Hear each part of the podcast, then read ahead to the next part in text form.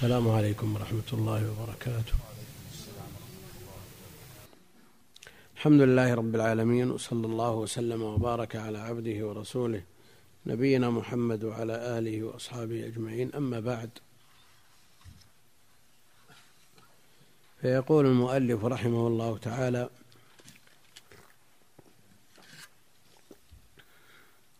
ولا يشق الكفن في القبر ولا يشق الكفن في القبر قد يستغرب. السامع أنه يعمد إلى الكفن عند دفن الميت ويخرق ويشق. لأنه في وقت من الأوقات اشتهر عند نوع من أنواع السراق الذين ينبشون القبور ويسرقون الأكفان. فإذا خرق وشق الكفن فوتت عليهم الفرصة من أجلهم. لكن ليس هذا هو العلاج.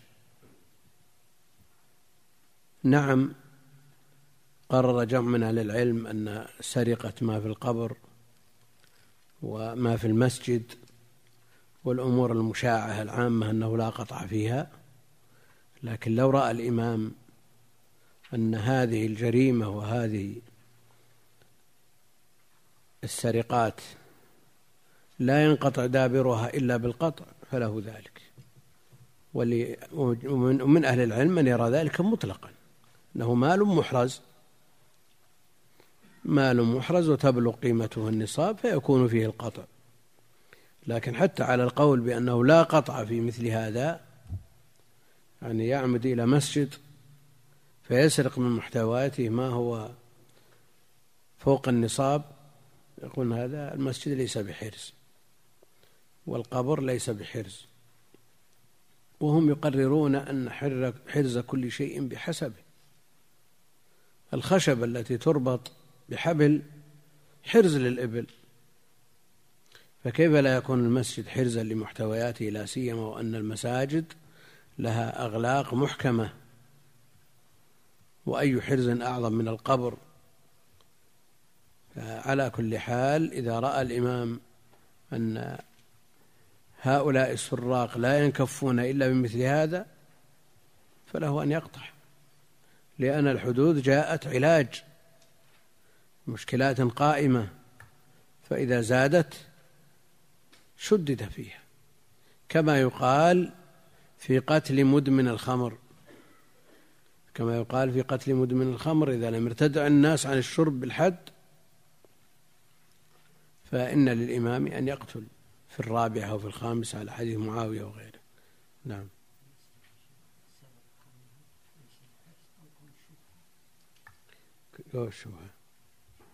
لا هو كان في السابق ليس بحرز لأنه مفتوح الأبواب ما كانت تغلق المساجد. وأما الآن فكانت تغلق لكثرة من يعتدي عليها ويسرق منها ويسيء إليها ويسيء إلى المصاحف. وجد نماذج حقيقة يعتصر لها القلب من الألم.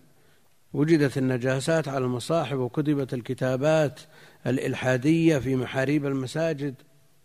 مثل هذا لا بد أن يتخذ مواقف صارمة تردع مثل هؤلاء. فالإنسان قد يقرأ ولا يشق الكفن في القبر. كيف يشق الكفن؟ شو المصلحة من شق الكفن؟ وهو ما يتصور أن أنه شاع في وقت من الأوقات وجود أناس يسرقون الأكفان. وقد يوجد من هو أسوأ منهم. ويذكر لكنه لم ينتشر انتشار سرقة الأكفان سرقة الأعضاء سرقة العظام.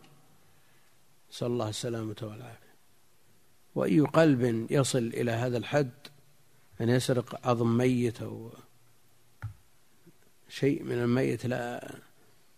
سبحان الله يعني وصل المرض في القلوب إلى هذا الحد.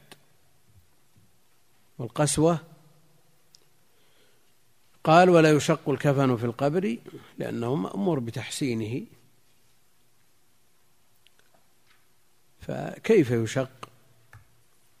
إنما العلاج في ردع هؤلاء السراق. ليس في شق الأكفان ولا في تلويث الأكفان. نعم لا يبالغ فيها. مبالغة تجعل السراق آه، يغرون بها. تكون متوسطة. ومع ذلك إذا إذا اقتضى الأمر أن يكون على المقابر حراس كما هو الآن فهذا من من مسؤولية ولي الأمر.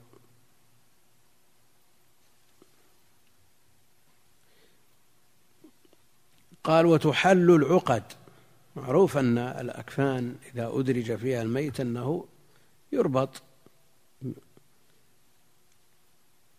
من الأعلى ومن الأسفل ومن الوسط. وتكون العقد بقدر الحاجة ثم إذا وضع في في قبره تحل العقد. لأنها لا تسلم من تضييق على الميت. وانتهت الحاجة منها الداعية إليها انتهت إذا وضع في قبره. لئلا ينكشف والآن أمن الانكشاف. ولا يدخل القبر آجرا. الآجر نهي عن تجصيص القبور والجص والآجر وسواء كان الآجر وجد في خارجها أو في داخلها يدخل في النهي. لا سيما أن الآجر مما تمسه النار. ولا خشبا جنب نعم الخشب ولا أي شيء مسته النار. قالوا من فاتته الصلاة عليه يعني مع الناس صلى على القبر صلى على القبر لأن النبي عليه الصلاة والسلام صلى على القبر قبر الذي دفن من غير علمه دفنوه ليلا من غير علمه عليه الصلاة والسلام كرهوا أن يخبروا النبي عليه الصلاة والسلام عنه الذي يقوم أو تقوم المسجد كأنهم تقالوا شأنه ولا أرادوا أن يتعبوا النبي عليه الصلاة والسلام بإخباره. في الليل ما سأل عنه قالوا مات ذهب وصلى عليه في القبر. على قبره نعم. من فاتته الصلاة عليه في المسجد؟ إيه. وأدركه قبل أن يدفن؟ لا مانع من أن يصلى عليه في المقبرة. لكن الأولى يصلى عليه قبل الدفن ولا إذا دفن على قبره؟ سيان سيان. إيه سيان ما في ما يفرق. صلاة صلاة الجنازة في المقبرة مستثنات عن النهي عن الصلاة في المقابر. لأن النبي عليه الصلاة والسلام صلى على القبر. نعم.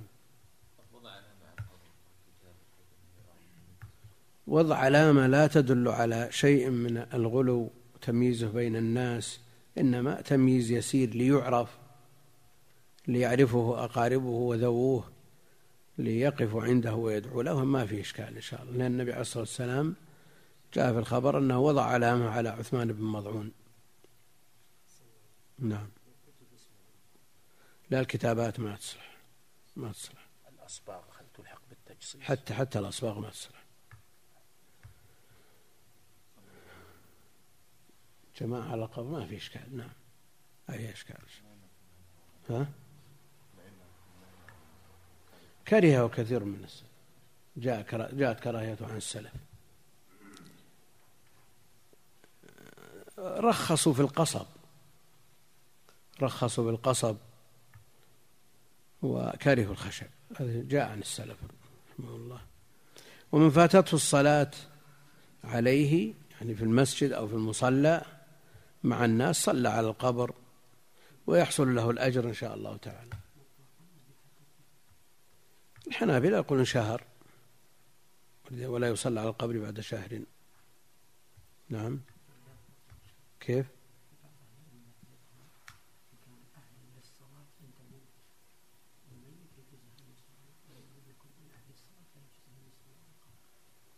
يعني بأن كان غير مسلم ثم أسلم وكان صغير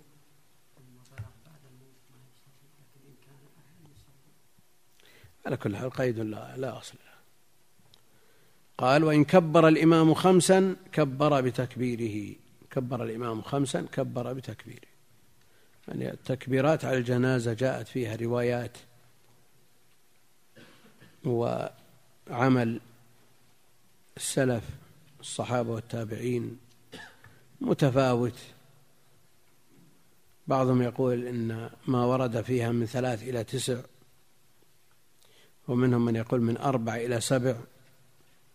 وعلى كل حال كأن الإجماع والاتفاق انعقد على الأربع كما قال ابن عبد البر. فلا يزاد عليها. لكن إن زيد النبي عليه الصلاة والسلام كبر على النجاشي أربعا. لكن إن زيد على ذلك كما فعل بعض الصحابة في البدريين كبروا خمسا وستا وبعضهم كبر سبعا. كبر الإمام خمسا كبر بتكبيره يعني يتبع الإمام. وهذا مما يتابع فيه الإمام. وليس كمن زاد خامسة في صلاة الرباعية. كما يقول بعضهم أنه لا تجوز المتابعة وأنه يلزمه أن يكبر ويسلم أو يقف ولا يكبر ثم ينتظر الإمام. على كل حال هذا الأمر فيه سعة لأن الزيادة واردة لكن العلماء اتفقوا على فيما بعد ذلك على الأربع. وإن كبر الإمام خمسا كبر بتكبيره. يعني إذا كبر الخامسة أو كبر الرابعة ماذا يقول بعد التكبيرة الرابعة؟ الأصل في الصلاة أنها دعاء للميت فإن استغله بدعاء للميت كان على الأصل إن شاء الله. قال والإمام يقوم عند صدر الرجل وعند وسط المرأة وسط ولا وسط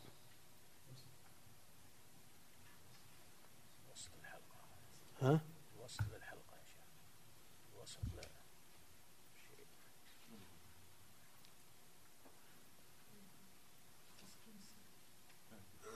ها؟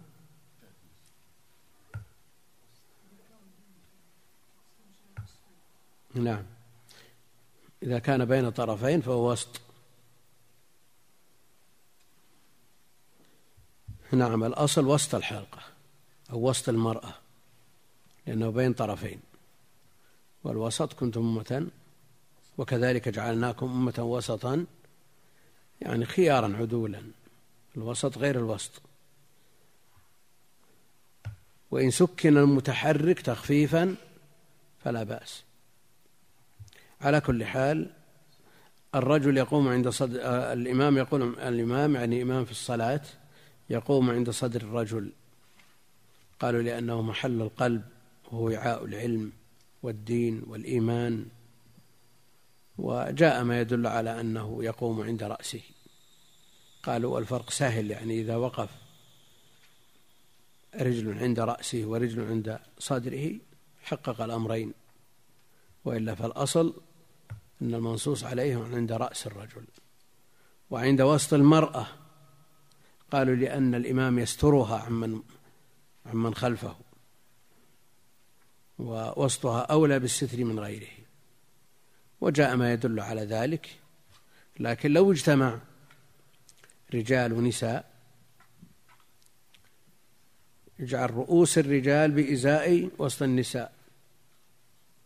ليتحقق للإمام أنه صلى عند رأس الرجل ووسط النساء.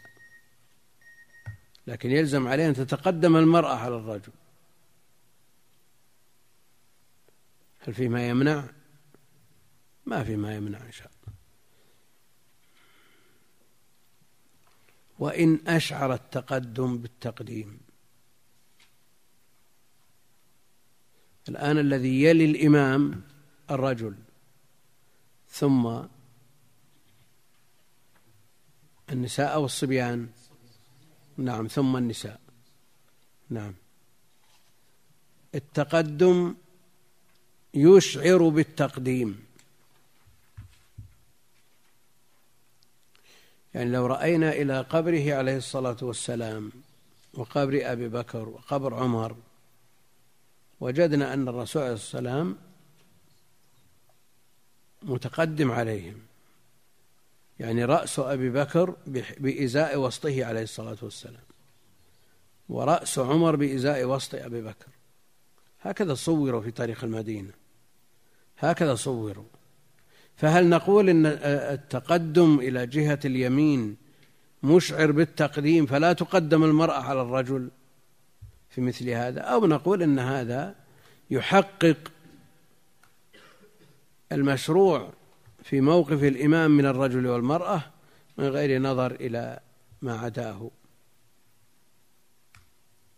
الآن إذا وضعنا وسط المرأة بإزاء رأس الرجل صارت المرأة متقدمة إلى جهة اليمين صح ولا لا؟ إيه شو إيه؟ طيب.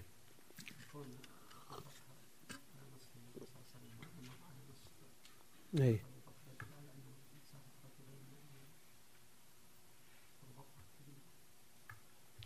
إيه ما يلزم أن تكون عائشة مستوعبة الغرفة من أولها إلى آخرها؟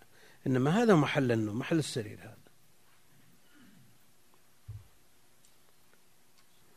نعم.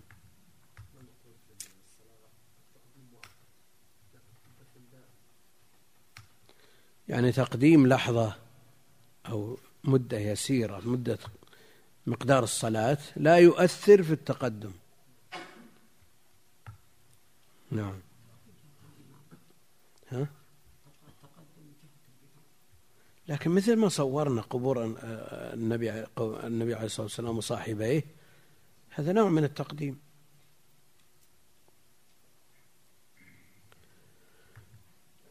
على مثل هذا يكون يسير ومعفو عنه يعني ما يضر إن شاء الله تعالى.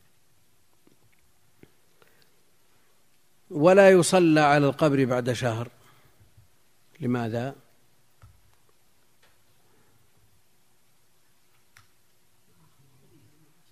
نعم آخر أكثر ما وجد. يعني أقصى ما وجد في الصلاة على القبر شهر. لكن هل وقوع مثل هذا يلزم منه أن يكون مقصودا أو يمكن أن يقع اتفاقا فلا يمنع ما زاد عليه.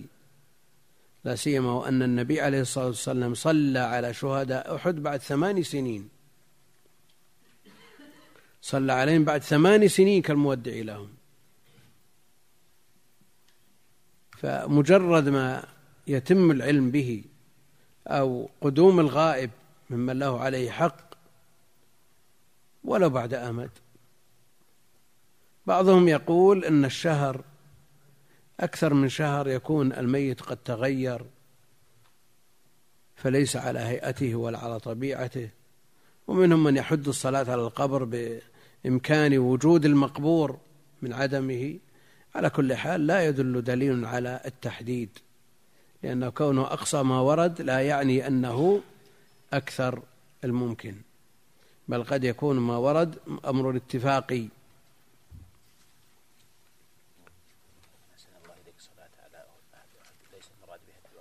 ها؟ صلاة على أهل الصلاة على الشهيد تأتي إن شاء الله. قال وإن تشاح الورثة في الكفن تشاح الورثة في الكفن. بعضهم قال هذا أبونا نشتري له أغلى الأكفان. وبعضهم قال لا داعي أن يشترى بثمن مرتفع والمسألة يسيرة وتأكله الدود. للمهلة والصديد تشاحوا لأن الناس يختلفون في مثل هذه الأمور. بعض الناس تجود نفسه ولو أتى على جميع التركة وبعض الناس لا تجود نفسه بشيء ولو كانت التركة لا تتأثر بمثل هذا. المؤلف يقول وإن تشاح الورثة في الكفن يعني بعضهم قال نشتري أعلى ما يوجد في السوق. وبعضهم نقول نشتري أدنى ما يوجد في السوق. بعضهم يقول كفن بمئة درهم رخيص. والثاني يقول بخمسة دراهم غالي. قال المؤلف وإن تشاح الورث بالكفن جعل بثلاثين درهما. فإن كان موسرا فبخمسين. مقصود المؤلف أن يجعل متوسط. أن يتو... يكون الكفن متوسطا بين أعلى ما يوجد وبين أدنى ما يوجد. وينظر في ذلك مع ذلك إلى عسر الميت ويسره. ولعله في وقته الثلاثين درهم ثمن للمتوسط. وإلا قد تكون الثلاثين درهم لا يدركها الموسر من الناس وقد تكون في وقت لا يقبلها الفقير. إذا دفعت إليه فالأوقات تتفاوت. يعني مثل ما أدركناه قبل ثلاثين سنة وأربعين سنة أجار البيت مئة ريال. والآن تصل إلى أحيانا لمئات الألوف أجرة ما هو بثمن. فالأزمان لا شك أنها تتفاوت آه، رخصا وغلاء حسب يسر المال وعسر المال. ولعل هذا المبلغ الذي ذكره المؤلف رحمه الله ثلاثين درهما أو خمسين هذا هو المتوسط في وقته. ومراده المتوسط يعني يتوسط في الأمور كلها. والكفن يؤخذ من رأس مال التركة من مال الميت.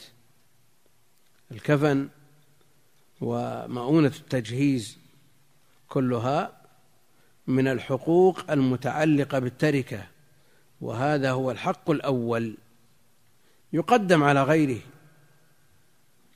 يعني لو أتى على جميع التركة يعني المتوسط ثلاثين درهم وتركة ثلاثين درهم.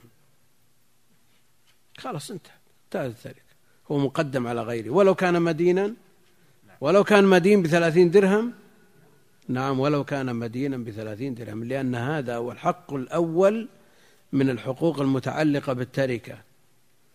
والحق الثاني هو. الديون المتعلقة بعين التركة التي فيها رهن والحق الثالث الدين المرسل الذي لا يتعلق بعين التركة بدون رهن والرابع الوصايا والخامس الإرث. الإرث. مع أن الآيات كلها قدمت الوصايا على على الديون. من بعد وصية يوصين بها أو دين من بعد وصية توصون بها أو دين من بعد وصية يوصى بها أو دين غير مضار. ما معنى هذا؟ العلم يقدمون الديون على الوصايا وفي النصوص تقدم الوصايا على الديون. ها؟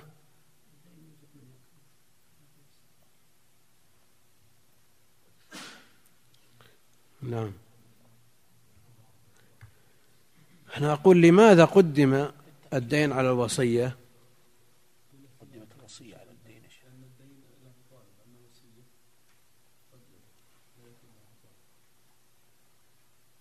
لكن هل للموصي أن يوصي وعليه دين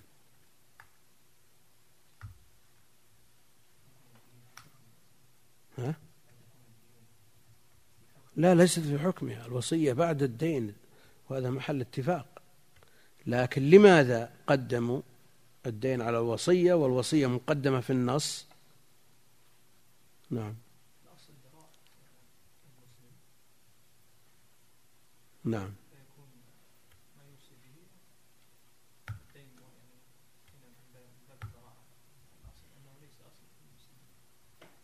إيه لكن المسألة مفترضة في من عليه دين وأراد أن يوصي. يعني تقديم الوصية في النصوص لأنها بصدد أن تضاع. مثل ما أشار بعض الأخوان أن الدين له من يطلبه ويطالب به والوصية قد تضيع وهذا حاصل. فجاء الاهتمام بها في النصوص. ولا شك أن الدين يتعلق بذمة الميت وليس له خيرة في تركه أو الوفاء به بخلاف الوصية. هو مخير أن يوصي أو لا يوصي في الوصايا المستحبة. وإن كانت الوصايا واجبة وحكمها حكم الدين. والسقط إذا ولد لأكثر من أربعة أشهر غسل وصلي عليه. والمراد بذلك أنه إذا نفخت فيه الروح إذا تم الطور الثالث الطور الثالث. إذا نفخت فيه الروح ثبتت أحكامه. وقبل نفخ الروح لا حكم له والتصوير والتخليق تثبت به الأحكام المتعلقة بالأم. الأحكام المتعلقة بالأم تثبت بالتخليق والأحكام المتعلقة بالجنين تثبت بنفخ الروح. ها؟ الاستهلال للإرث. يعني المسألة السقط إذا خرج ميتا. والسقط إذا ولد لأكثر من أربعة أشهر غسل وصلي عليه لأن ثبتت أحكامه لأن هناك أحكام متعلقة بالحمل منها إسقاطه ومنها إلزام الأم بالنفاس ومنها ما يتعلق به من الصلاة عليه من تكفينه والصلاة عليه ودفنه. فإسقاطه جائز ولا غير جائز؟ يعني قبل الأربعين قالوا يجوز بدواء مباح لكن ينبغي بل يتعين أن يشدد في هذا الأمر. يتعين أن يشدد في هذا الأمر ولو كان قبل الأربعين لأن التساهل في إسقاطه يسهل الفاحشة. يسهل الفاحشة. وأكثر هؤلاء الذين يزاولون الفواحش من ذكور وإناث يحسبون الحساب للحمل. فإذا كان إسقاطه أمر ميسر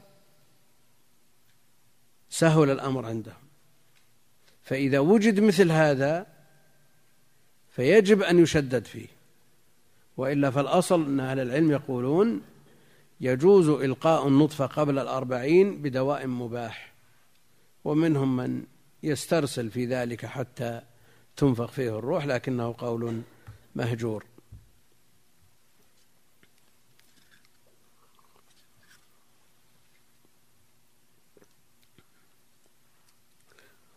والسقط إذا ولد لأكثر من أربعة أشهر غسل وصلي عليه وإن لم يتبين ذكر هو أم أنثى.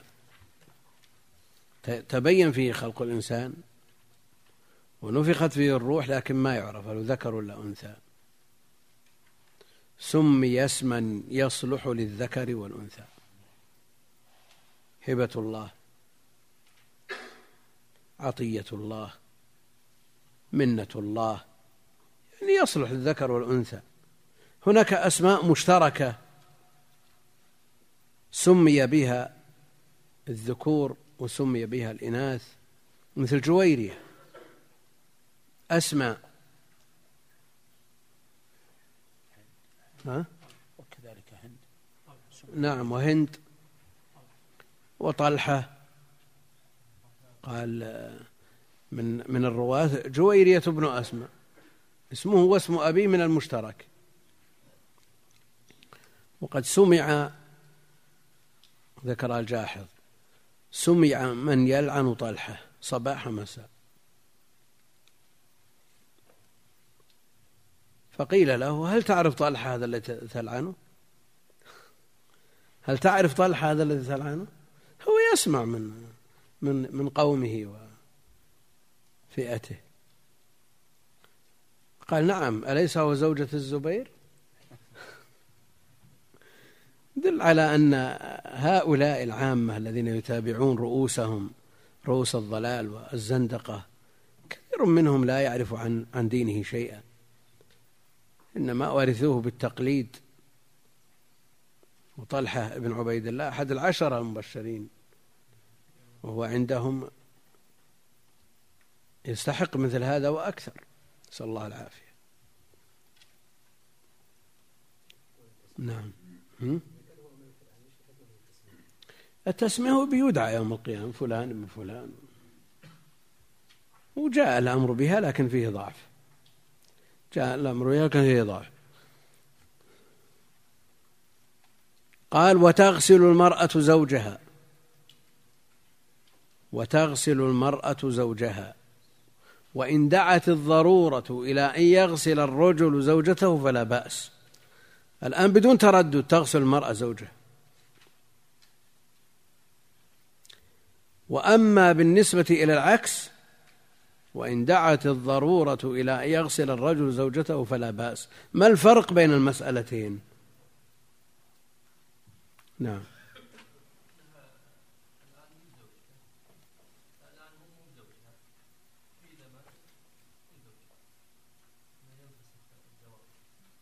لكن الفرق بينهم كيف ينفسخ من جهة دون أخرى؟ تغسل المرأة زوجها.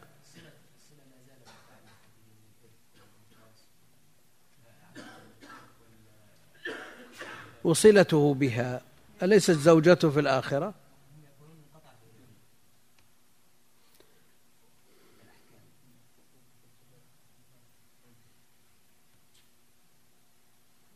لأنها في العدة. هي في إذا مات فهي في العدة. ولا تتزوج بينما لو ماتت هي له أن يتزوج أختها. في الحال. ها؟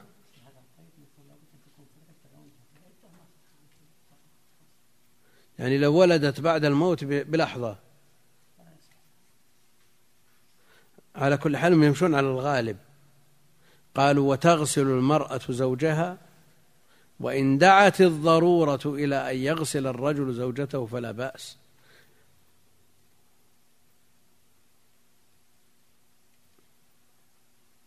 أبو بكر غسلته زوجته اسماء بنت عميس وقالوا لو استقدمنا من أمرنا ما استأخرنا ما غسل النبي عليه الصلاة والسلام إلا أزواجه. وعلي رضي الله عنه غسل فاطمة. علي رضي الله عنه غسل فاطمة فلا مانع من أن يغسل الرجل زوجته وتغسل المرأة زوجها. وما يقال من انقطاع وما يترتب عليه من جواز النكاح بأختها أو عمتها إذا ماتت الذي يجعل التفريق عند بعضهم بين الزوج والزوجة لا أثر له في الحقيقة. فهي زوجته في الآخرة هي زوجته في الآخرة. نعم. لو مت لو مت غسلتك. على كل حال هذا التفريق من هذا الباب يعني وإلا فالأصل أنه من الطرفين جائز بلا إشكال. ولو قيل إن أولى الناس بغسل الزوج زوجته وغسل الزوجه زوجها لكان له وجه لأنه محل اطلاع على أخص الخواص فيها والعكس مما لا يطلع عليه غير الزوج ولا الزوجه يعني إذا كانت المرأة تغسل المرأة بحائل بالنسبة للعورة والرجل يغسل الرجل بحائل بالنسبة للعورة بعد تغطية السوءة فإن الزوج قد رأى من المرأة والعكس المرأة قد رأت من زوجها ما يجعل مثل هذا مرتفع. فهذا يدل على أن الزوج أولى الناس بغسل زوجته والزوجة أولى الناس بغسل زوجها.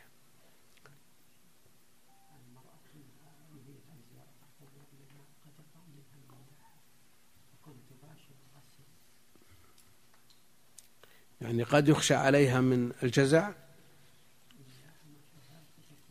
الجزع يعني يخشى عليها من الجزع. لكن ليست تغسل ليست المرأة لكن هذا الذي ما ترددوا فيه. هذا الذي لم يترددوا فيه. ولا فيه إشكال. لا إشكال في هذا إن شاء الله. وليست المرأة تغسل المرأة يا شيخ؟ تغسل المرأة. لا فرق. نعم. فالجزع منتفي هنا. ومن عرفت بالجزع تمنع. من عرفت بالجزاء تمنع حتى من غسل النساء تمنع نعم. يقولون إنه يجوز أن تزوج أختها في الحال فانقطعت الزوجية. انقطعت الزوجية. لكن الزوجة إذا مات زوجها فهي تعتد وهي في حكم الزوجة في مثل في هذه الحال. نعم.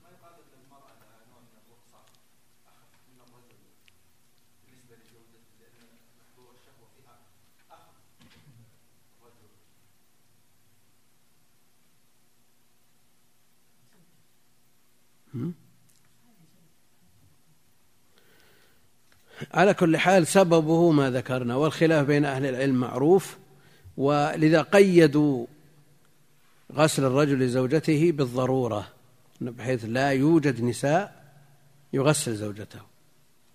والخلاف في المسألة قوي بين أهل العلم لكن لا شك أن الأثر والنظر دليل على جواز غسل الزوجين أحدهم الآخر نعم.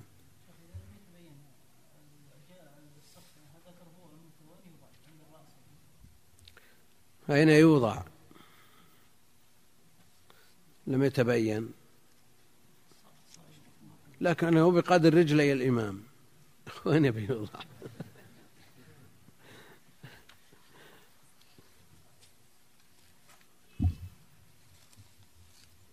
قال والشهيد إذا مات في موضعه الشهيد إذا مات في موضعه موضع المعركة في مكان المعركة لم يغسل المصلى عليه. ربط الصلاة والتغسيل بالمكان. ما ربط هذه الأحكام بطول المدة البقاء؟ نعم. ولا بالحياة المستقرة من عدمها ولا بالأكل والشرب من عدمه. لأنه قد يجرح جرحا مميتا قاتلا. فينقل عن مكانه إلى المستشفى فيموت فورا. على كلامه يغسل. على كلامه يغسل. ولو بقي في مكانه يوم أو يومين على كلامه لا يغسل. أيهما أولى بالتغسيل؟ هذا الذي جلس يوم أو يومين وأكل وشرب. أو الذي مات بعد دقائق ونقل عن مكانه. هو هو جعل المكان قرينة على قرب الموت. كأنه يريد المكان قرينة على قرب الموت. وأنه لو انتقل عن هذا المكان أنه عاش وبقي مدة. وإلا فالأصل طول المكث بعد هذا الجرح وما يدل على استقرار الحياة فيه. فإذا وجد ما يدل على استقرار استقرار الحياة فإنه حينئذ لا يكون شهيد معركة. نعم.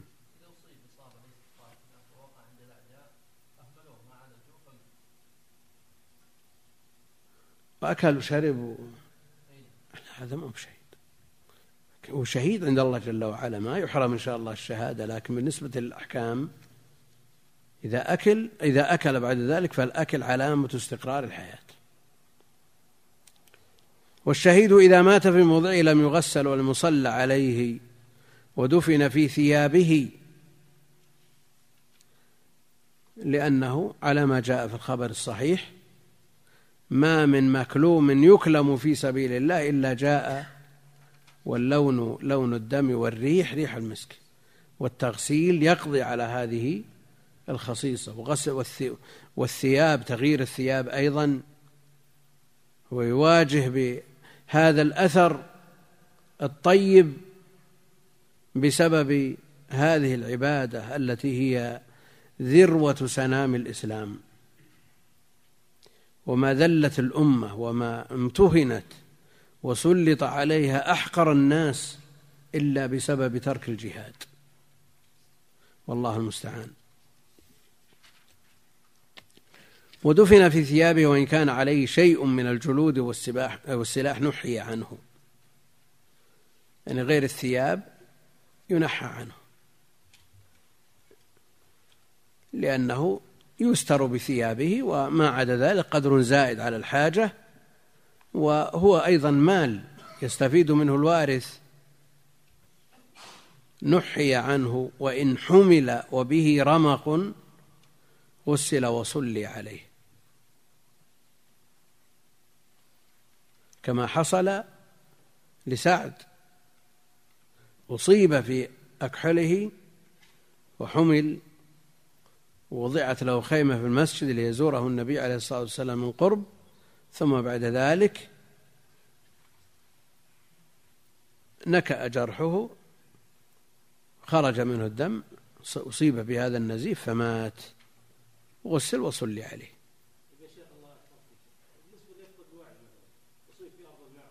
أي نعم. في العناية. برض المعركة ولا خارج نقلوه إلى المستوى على كلام المؤلف على كلام المؤلف ما يغسل ويصلى عليه لأنه قال في موضعه. المؤلف حدد الموضع. وهم يقولون شهيد المعركة يعني في مكانها. على لكن على كل حال إذا أصيب بغيبوبة ولا أكل ولا حي حياة مستقرة فإنه له حكم الشهادة. نعم.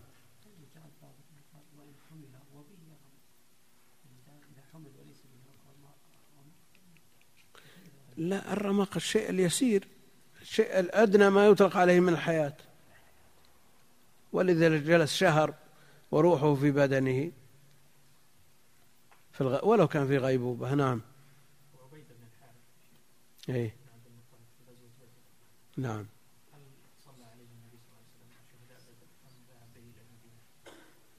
ما أذكر الله ما أذكر شيء.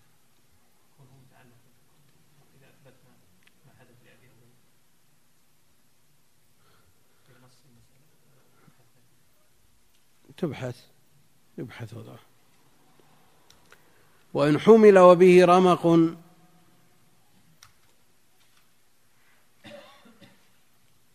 غسل وصلي عليه. يعني إذا كان به حياة مستقرة ولو كانت يسيرة فإنه لا يسمى شهيد معركة. إنما الشهيد الذي يموت في الحال الذي يموت في الحال والأكل دليل على الحياة. لكن الشرب بعضهم يقول أنه ليس بدليل على الحياة. بدليل أنه لو شرب شيئا وخرج على صفته دليل على الموت. دليل على الموت. لو شرب لبن وخرج كما هو كما حصل لعمر رضي الله عنه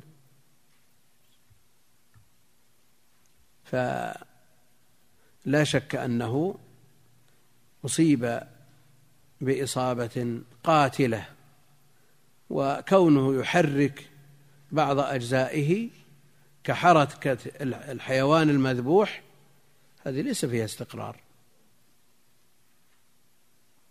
ليس فيها استقرار. من الغرائب في الجراد وقد شوهد أبين رأسه عن جسده ويأكل. الرأس بمفرده يأكل يمضغ ويخرج مباشرة لأن ما في جسد. يعني هذه من الغرائب. هل يوجد غيره مثل هذا؟ يعني ذكروا هذا عن الجراد وتتبع ووجد صحيح. ها؟ نعم الضب الضب ما في شك أنه يتحرك وتطول حركته بعد ذبحه. تطول حركته بعد ذبحه. وقد يمشي وقد يمشي وقد أبين رأسه من جسده. نعم. وين؟ إيه الرأس انتهي ما هو مثل الجراد عكس الجراد.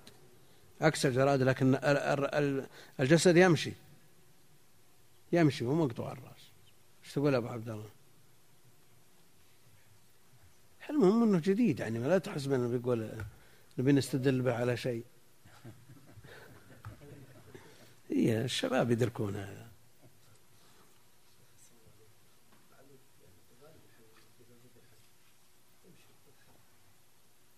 لا حين من حرارة الموت لكن ما هو مثل الضب. يجلس مدة طويلة. يجلس مدة طويلة. لا الضب أمره شأنه عجيب. نعم.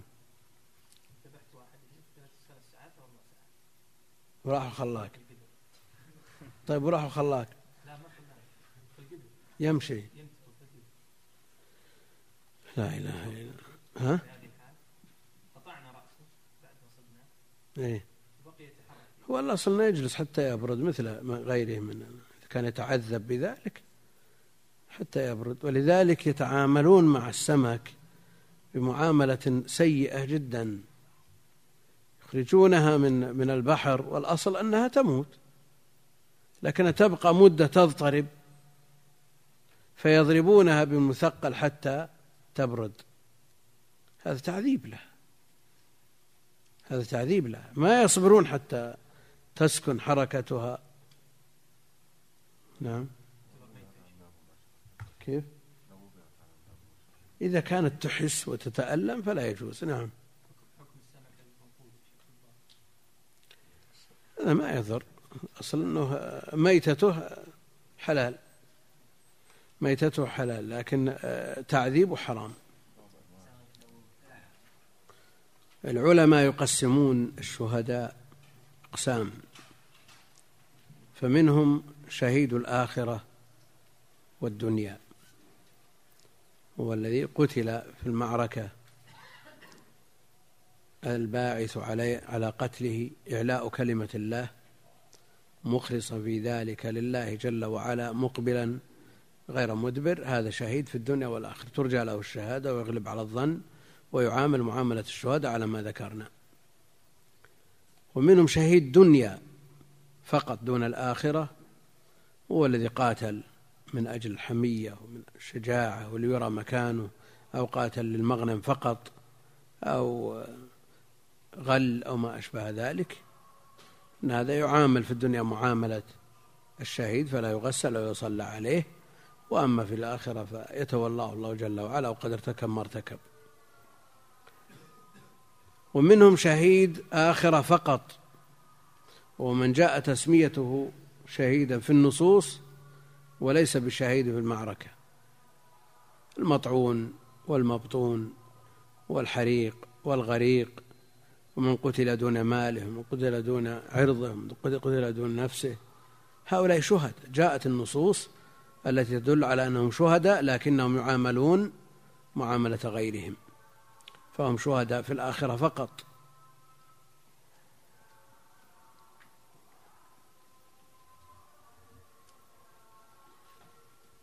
القسمة كم؟ ثلاثية ولا أربعية؟ شهيد الدنيا والآخرة الدنيا فقط الآخرة فقط. لا شهيد الدنيا ولا آخرة ها؟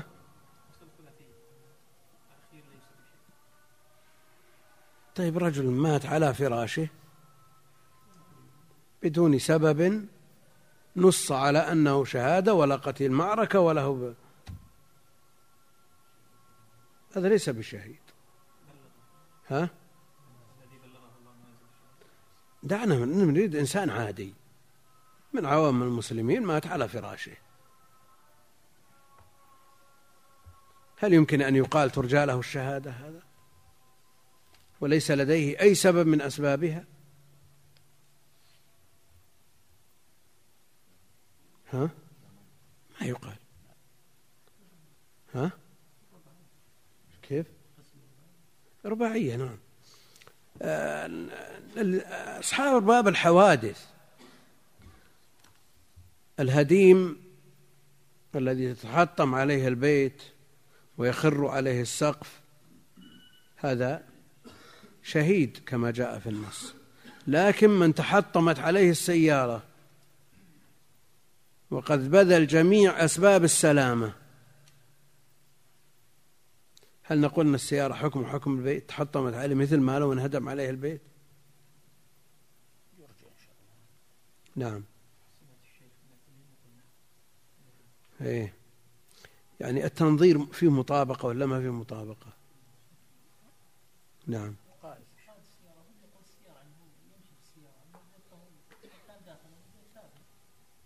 يعني لا بد وإن استعمل جميع أسباب السلامة أن يكون عليه جزء من السبب.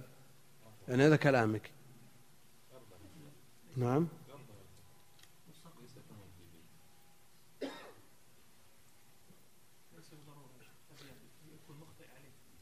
مئة في المئة يكون مخطئ عليه. نعم. طيب هديم أناس في بيت يزاولون معصية. فخر عليهم البيت وماتوا. يشربون الخمر. في هذا البيت فخر عليهم. شهداء ولا غير شهداء؟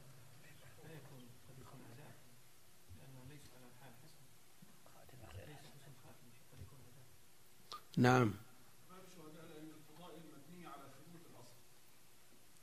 نعم.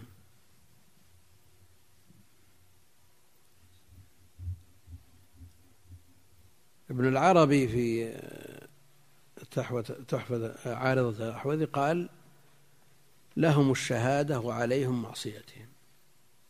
لكنه ما وفق على هذا لأن الشهادة منزلة فوق رتبة المسلم العادية والشرب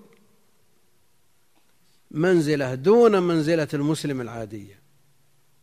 فالجمع بينهما جمع بين النقيضين. فالجمع بينهما جمع بين النقيضين. كيف؟ ألا يستأنس بقصة الغال لما قالوا فلان شهيد قال كلا والذي نفسي بيده إن الشملة التي غلها. تشتعل عليه نعم هو أشد من الغال. أشد من الغال نسأل الله السلامة والعافية. والقتل في المعركة أفضل من القتل بالهدم. يعني ما كفرت الشهادة في المعركة الغلول. فكيف تكفر الشهادة بالهدم الشرب؟ نسأل الله العافية.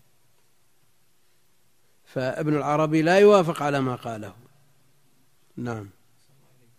الشهيد هو الذي يأتي يوم القيامة يشهد بين يدي الله شهيد المعركة. إيه على أولئك القوم أنه بلغهم وأنه قاتلهم في سبيل وجه هل هو شهيد بمعنى فعيل بمعنى فاعل أو مفعول؟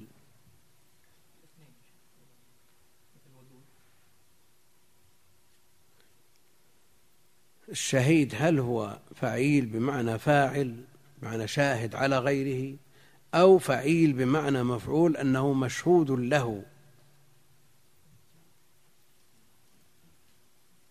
نعم الأمرين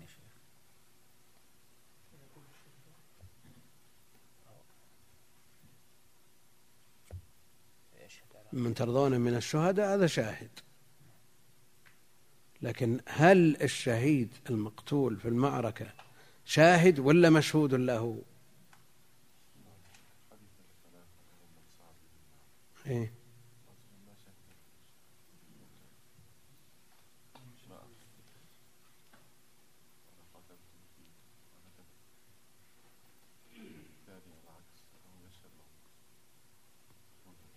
والشهادة تأتي حتى من من من جرحه يشهد له ثوبه يشهد له بأنه قتل في سبيل الله. لكن هل هو يشهد على غيره؟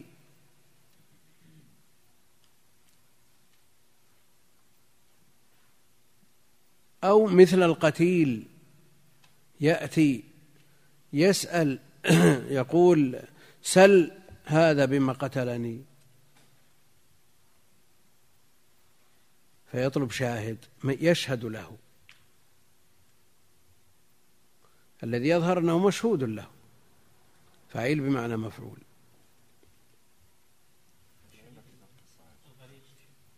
إيش فيه؟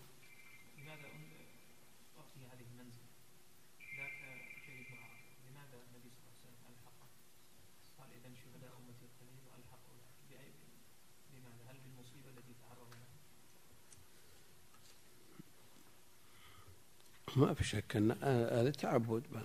قد ندرك وقد لا ندرك. قد ندرك بعض الأسباب وقد لا ندرك. لكنها أمور فواجع مباغتة قد تحول دون المرء وبين الاستعداد. هو مثل الموت المرض اللي يطول بحيث يكون الإنسان يكون وفاته بالتدريج فيستعد للملاقاة لكن موت الفجأة هل يلحق بهذه؟ يعني جالس؟ ثم قبضت روحه. ها؟ السكتة. لموت الفجأة ويكثر في آخر الزمان وشواهد كثيرة في هذه الأيام. ما جاء عليه نص. لكن ما ما جاء في نص. المطعون الميت بالطاعون. المبطون. ولذا يقولون آه، في قنوت النوازل إذا نزلت بالمسلمين نازلة غير الطاعون. المطعون شهيد. فلا يطلب رفع مثل هذه الشهادة.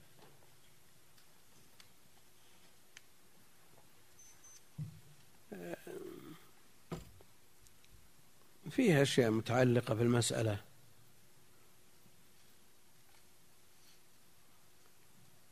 من مات من مرض في بطنه يسمونها المبطون. ولذا يقولون من من أصيب بالسرطان في أحشائه وفي جوفه وفي بطنه هذا مبطون. لكن لو كان في بعض أطرافه لا. ليس بمبطون نعم. المقصود أنها في الباطن داخلة في في الأحشاء داخلة في نسأل الله العافية.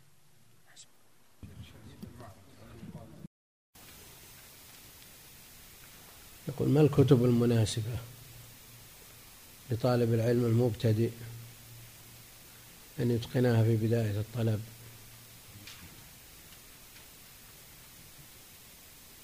وما الكتب التي تراها مناسبة مرجعا لطالب العلم خلال فترة طلبه؟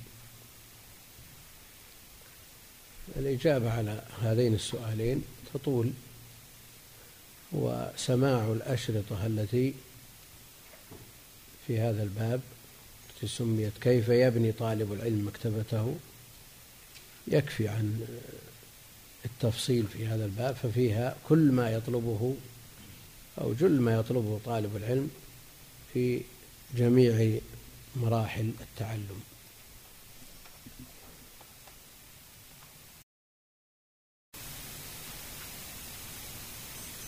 يقول ما هي أفضل طبعات النظم المقنع لابن عبد القوي؟ وما طبع إلا مرة واحدة في المكتب الإسلامي قبل أربعين سنة وفيها أخطاء. نظرا لأن النسخة التي طبعت عنها متأخرة جدا. وله مخطوطات لكن كلها متأخرة اللي ما وقفنا على نسخة قديمة عتيقة مصححة متقنة أبدا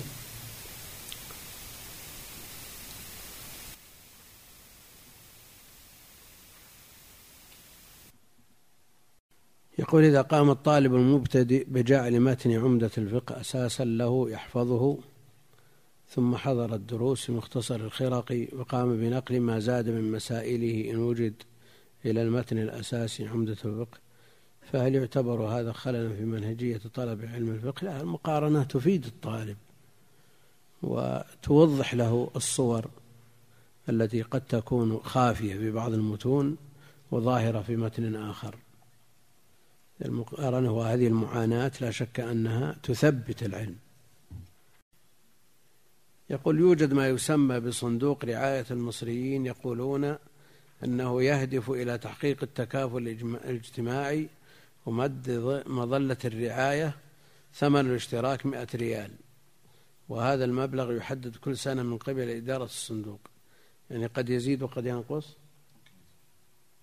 وبناء على الاشتراك تقدم خدمات المصريين والمشتركين مثل تخفيضات في بعض المدارس العالمية تتكون الموارد المالية للصندوق من اشتراكات الأعضاء وعوائد استثمار أموال الصندوق في حدود الضوابط عوائد أنشطة الصندوق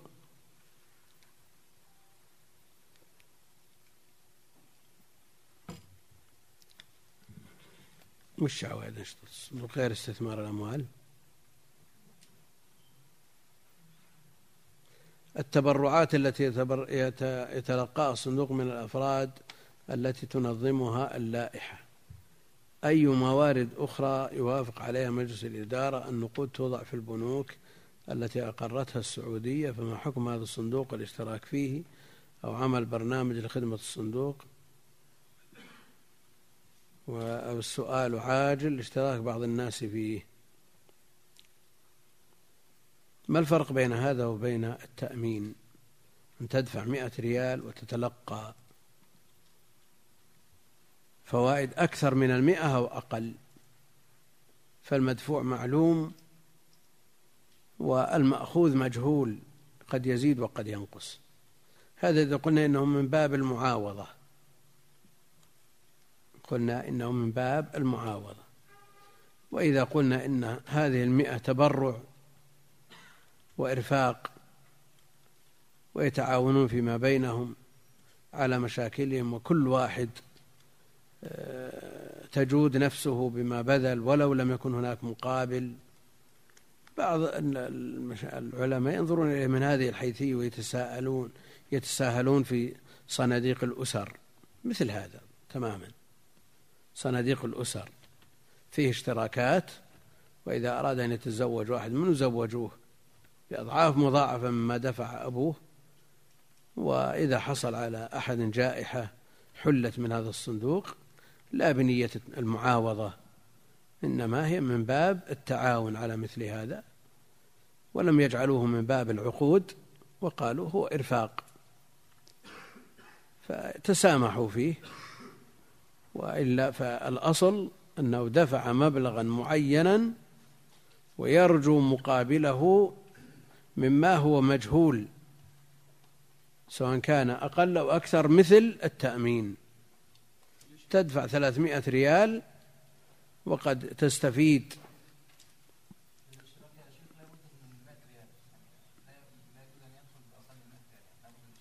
هذا الكلام إنك تدفع مبلغ معلوم ومقابله مجهول. فالذي ينظر إليه من هذه الحيثية لا فرق بينه وبين التأمين.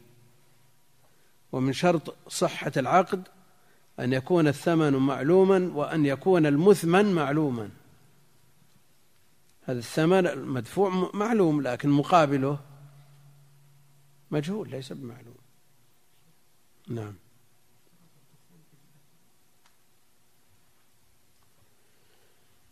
إيه لا يمكن أن يقوم إلا بالاشتراط. ما يمكن أن يقوم الصندوق إلا بالاشتراط. يعني لو كان تبرعات يجمعون تبرعات من غير اشتراط مال سهل.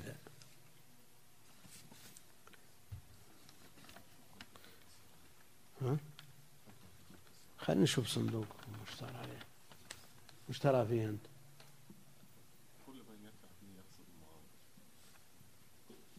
يعني كل من يدفع المئة يقصد أن أن أن يكتسب أو أن يكون المردود أكثر من المئة؟ أو ليس في ذهنه هذا المردود وإنما ذهنه حاجة إخوانه من من جنسيته وأنه لا يحتاج أحد منهم والمجموعة موجودون. على كل حال المسألة محل نظر وهي عندي إلى إلى المنع أقرب. يقول هل يجوز العمل مبرمج في شركة أمريكية تطور برامج لإدارة أجهزة تخزين البيانات الكبيرة؟ ليس لعميل محدد ولكنها تطوره وتبيعه لأي عميل. وحاليا تبيعه لجهاز الشرطة وقد تطلب أحيانا الشركة تعديلات لهذا العميل خاصة. يعني بيع مثل هذه البرامج لمن يستعملها استعمالا مباحا. هذا ما في شيء لكن الإشكال إذا كان يبرمج لبنوك مثلا يكون من من الزبائن بنوك تتعامل بالربا مثلا. فيبيعون على من يستعملها استعمالا مباحا ومن يستعملها استعمالا محرما. هذا الإشكال. وأما من يستعمله استعمال مباح هذا ما فيه إشكال إن شاء الله تعالى. وين؟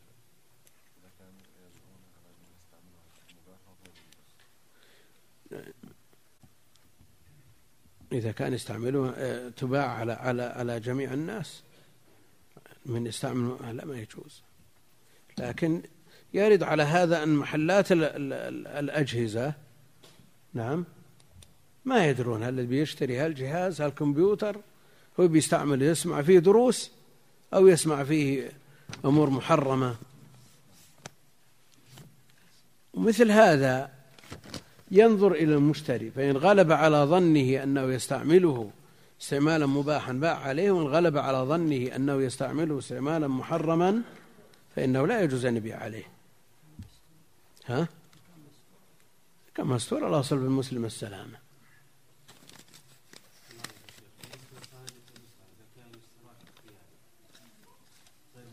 غير مجبر ما في شيء يصير تبرع. ماشي. الإجباري مثل هذا مثل هذا. إذا كان محدد والمردود مجهول فيه ما فيه. وكثير من المشايخ يتسمحون في مثل هذه الأمور باعتبار أنها إلى التعاون و أقرب أقرب منها من منها إلى العقود. ما في تعاون يا رجال. ما في تأمين تعاوني كله تجاري. ما في تعاون التأمين كله تجاري كله ابتزاز. يعني كونهم يدفعون لشخص دفع ثلاثمائة ألف ثلاثمائة ريال أربعين ألف في حادث لكن مئة ألف مشترك ما يدفعون لهم شيء.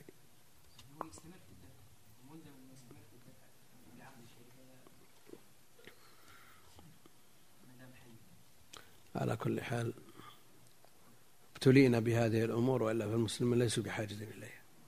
الإشكال أن, أن هناك أحيانا ضغوط تجعل الإنسان يقبل مثل هذه الأمور يعني إكراه في البداية ثم في النهاية يدخل بطوعه واختياره.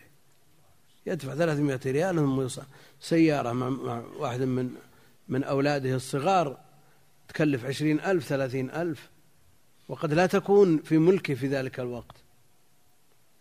يكون مضطر للقبول. والله المستعان.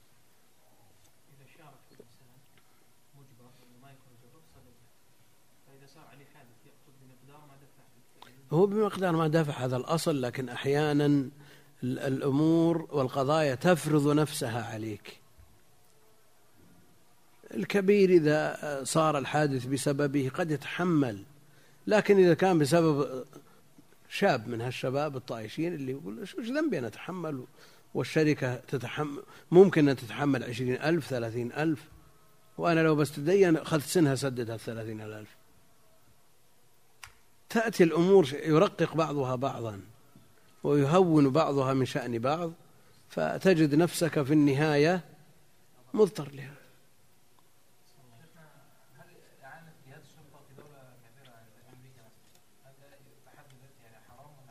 وشو؟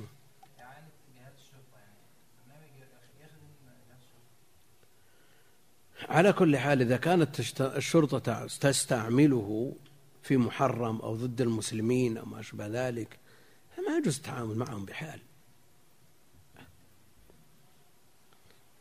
كانت الشرطة الأمريكية اللي تذكر هذه تستعمله في آه، فيما في ضد الإسلام والمسلمين هذا من جرائم من عظائم الأمور هذا التعاون على الإثم والعدوان.